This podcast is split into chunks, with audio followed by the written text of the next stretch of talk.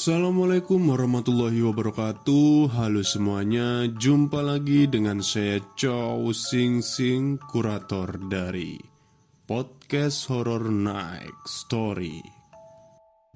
Oke apa kabarnya semuanya? Semoga semua baik-baik saja ya. Dan seperti biasanya Pada malam hari ini saya kembali dan akan membawakan sebuah kisah mistis untuk kalian semua. Dan kisah mistis kali ini menurut saya cukup menyeramkan dan plot twistnya itu nggak bisa ditebak gitu loh. Cerita ini dikirim oleh Mas Danton, seorang pemain DJ. Seperti apa kisahnya? Mari kita simak. Halo semuanya. Sebelumnya perkenalkan nama saya Danton AXL. Setidaknya mereka memanggil saya dengan nama tersebut setiap kali saya sedang nge-DJ. Saya berasal dari kota Garut dan sekarang bekerja sambil kuliah di Universitas Trisakti Jakarta. Saya mau berbagi cerita tentang kisah pengalaman seram saya semasa kelas 1 SMA. Jadi, begini ceritanya. Pagi itu, saya dan teman-teman yang lain sedang berjalan kaki menuju sekolah. Maklum, Waktu itu, untuk menghemat uang jajan, saya dan teman-teman saya terbiasa harus jalan kaki sejauh 5 km dari rumah ke sekolah, melewati areal persawahan yang membatasi desa saya dengan kecamatan. Di desa saya itu nggak ada angkot, jadi untuk pergi ke sekolah harus naik delman atau ojek.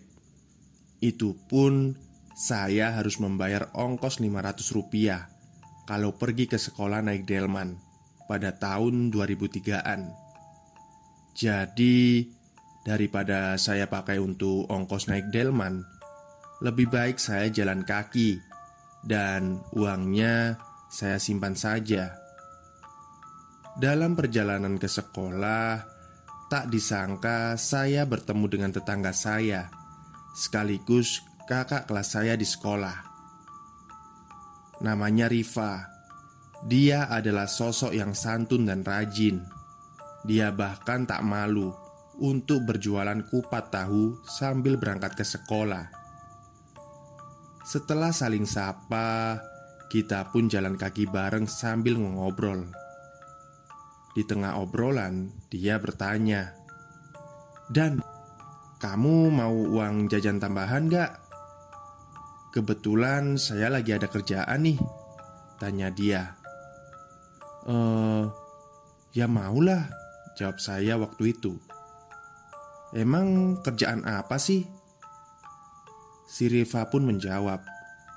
Kebetulan langganan kupat tahu saya di desa X Menawarkan saya pekerjaan Untuk menjaga rumahnya setiap hari Kamis sampai Minggu karena mereka sering keluar kota setiap hari tersebut. Tenang saja, untuk keperluan makan sudah mereka sediakan kok buat kita. Kalau kamu mau, kamu juga bisa ajak saudara kamu si awal. Mendengar hal itu, ya jelas saya maulah. Kebetulan sekali Waktu itu saya sedang menabung uang untuk membeli mobil Tamiya. Maklum, saat itu mainan tersebut sedang ngetren di sekolah. Singkat cerita, hari Rabu saya dan saudara saya sudah berkemas untuk berangkat ke rumah langganan kupat tahunya si Riva di desa X.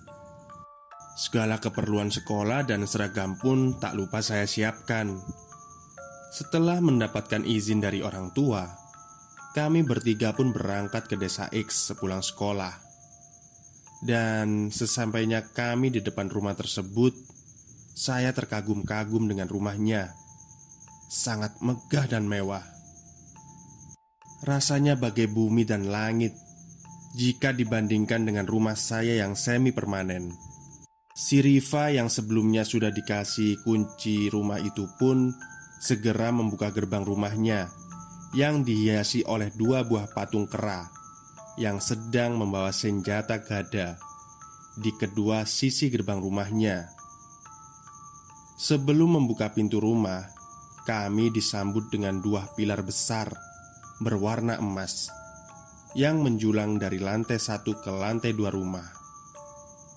Setelah masuk, Riva yang sebelumnya sudah pernah menginap di sana menunjukkan tempat kami bertiga untuk tidur, dan dia juga menunjukkan dapur beserta isi kulkasnya.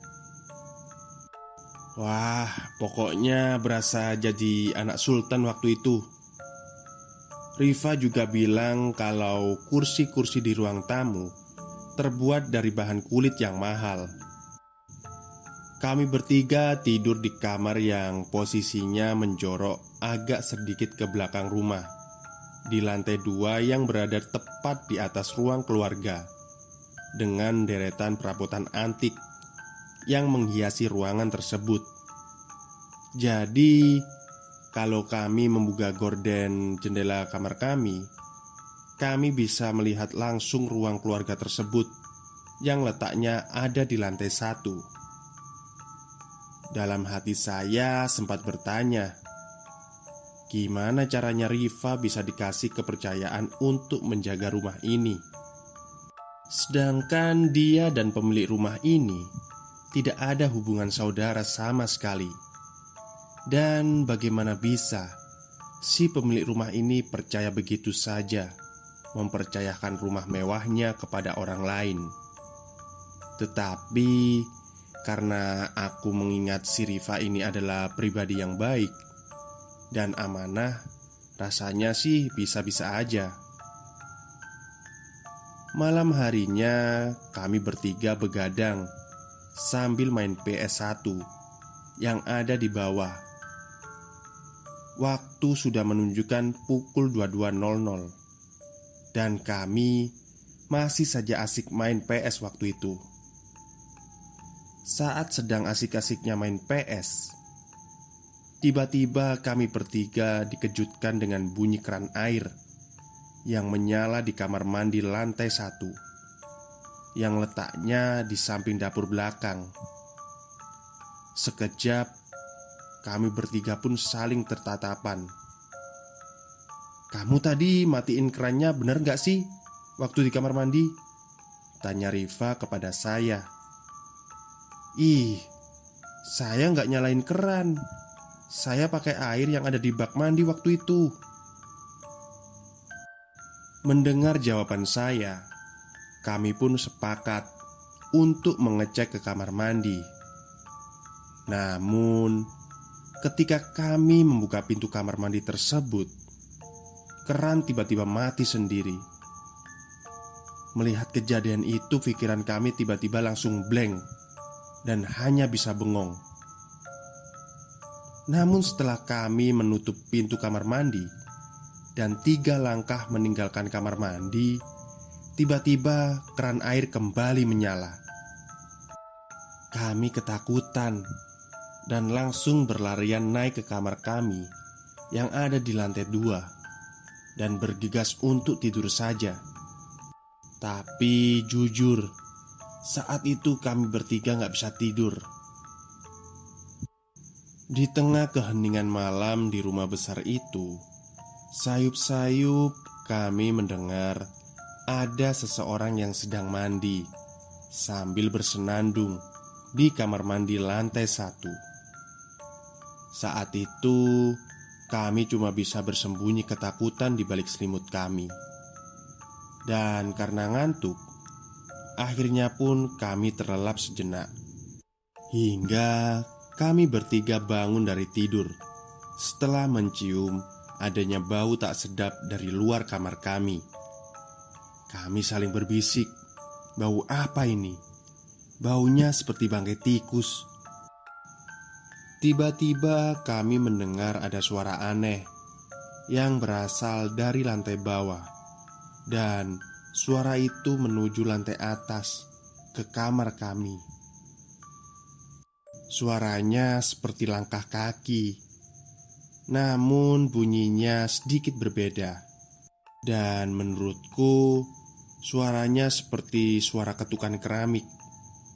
Ya, seperti suara kendi keramik yang diketukan ke lantai. Pikirku saat itu. Akhirnya, saya memberanikan diri untuk memeriksa ke arah pintu, sedangkan Riva dan saudara saya memperhatikan saya dari arah tempat tidur. Saya mengintip dari celah bawah pintu yang kebetulan ada sedikit celah dari lantai. Ketika meletakkan wajah saya ke lantai, dan mengarahkan wajah saya ke arah celah pintu tersebut, saya langsung merasakan hembusan angin dari bawah lantai, disertai dengan bau tak sedap. Dan ketika suara ketukan langkah kaki tersebut mendekat ke depan pintu, saya melihat ada sepasang kaki. Sepasang kaki yang sudah tidak utuh lagi bentukannya. Bentuknya seperti tulang belulang. Ya, masih ada sisa-sisa daging yang menempel di tulang tersebut. Sudah agak menghitam dan menimbulkan bau busuk yang amat menyengat. Melihat hal tersebut, saya hanya diam, terpaku karena ketakutan. Tulang belulang kaki tersebut setelah berhenti sejenak di depan pintu kamar saya, kemudian melangkah lagi, menjauh dari kamar kami. Saya terkaget ketika Riva menepuk pundak saya sambil bertanya, "Ada apa?" Jujur, saya mau menjawabnya, tapi saat itu saya nggak bisa ngomong, saking ketakutannya. Saya hanya terdiam dan kembali tertidur. Keesokan harinya, saya langsung pulang ke rumah tanpa pergi ke sekolah. Saya demam sepulang dari sana.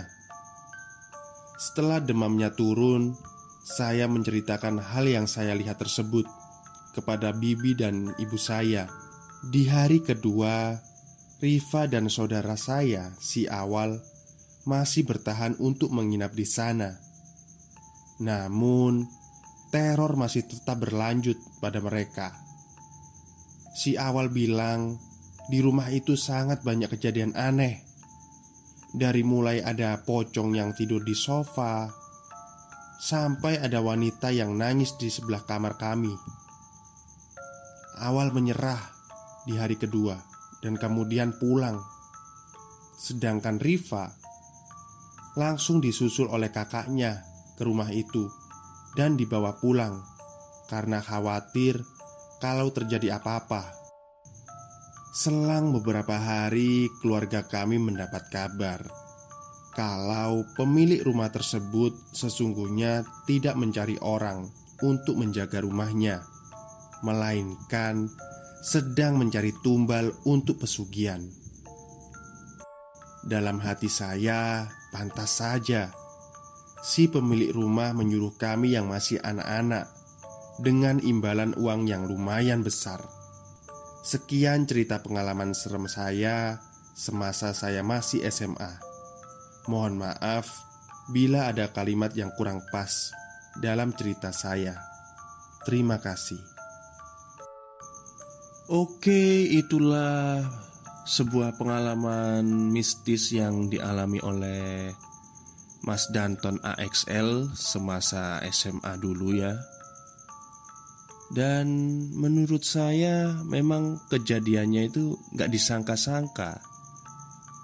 Saya kira ya rumah ada penunggunya gitu ya. Apa mungkin rumah itu dibangun di atas kuburan Ada penampakan gitu. Ternyata ini ada keterlibatan antara si pemilik rumah. Jadi pemilik rumahnya itu apa ya sedang cari tumbal gitu loh saya juga apa ya merasa tertipu sama ceritanya. Maksudnya itu tertipu itu nggak nyangka alurnya seperti ini ternyata Oke, mungkin itu saja yang bisa saya sampaikan pada malam hari ini. Semoga Anda semua terhibur. Selamat malam dan selamat beristirahat.